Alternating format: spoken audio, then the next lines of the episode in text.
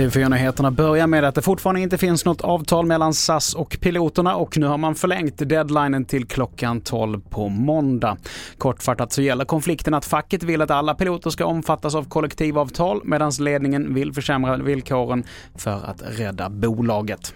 Ja da, det går fremover. Ellers så ville vi jo ikke ha eh, utsatt og utsatt. Eh, men vi står altså fortsatt veldig langt fra hverandre. Och i inslaget här så hörde vi Marianne Hernes som är förhandlingschef för SAS. Vidare till Libyen, där demonstranter har stormat och vandaliserat och satt stora delar av landets parlament i staden Tobruk i brand. Även i andra städer har protester rasat och röster höjs mot försämrade levnadsvillkor, bland annat ständiga elavbrott och mot det politiska dödläget.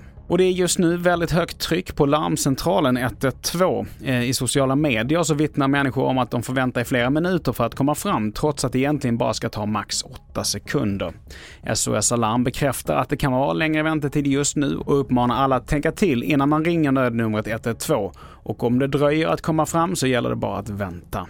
Och WHO larmar nu om att antalet apkoppor har tredubblats i Europa de senaste två veckorna. Snabba åtgärder måste till för att vända situationen enligt Världshälsoorganisationen. Över 5 000 människor har under våren och sommaren insjuknat i 51 länder där sjukdomen tidigare inte har funnits. 90 procent av fallen är i Europa. Och reporter här var TV4s Christian Wigart. Vi fortsätter med chockhöjda priser på glass och läsk hos möbeljätten.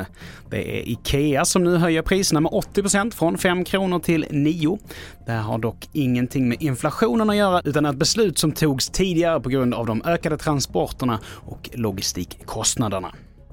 Och till sist, bara ett par timmar innan spelningen igår kväll så ställde en av huvudakterna på festivalen Lollapalooza in. Det var det amerikanska bandet The Killers som hade fastnat i Frankrike på grund av ett problem med sitt flygplan. Festivalen på Gärdet i Stockholm fortsätter idag och där bland annat med Veronica Maggio och Benjamin Ingrosso.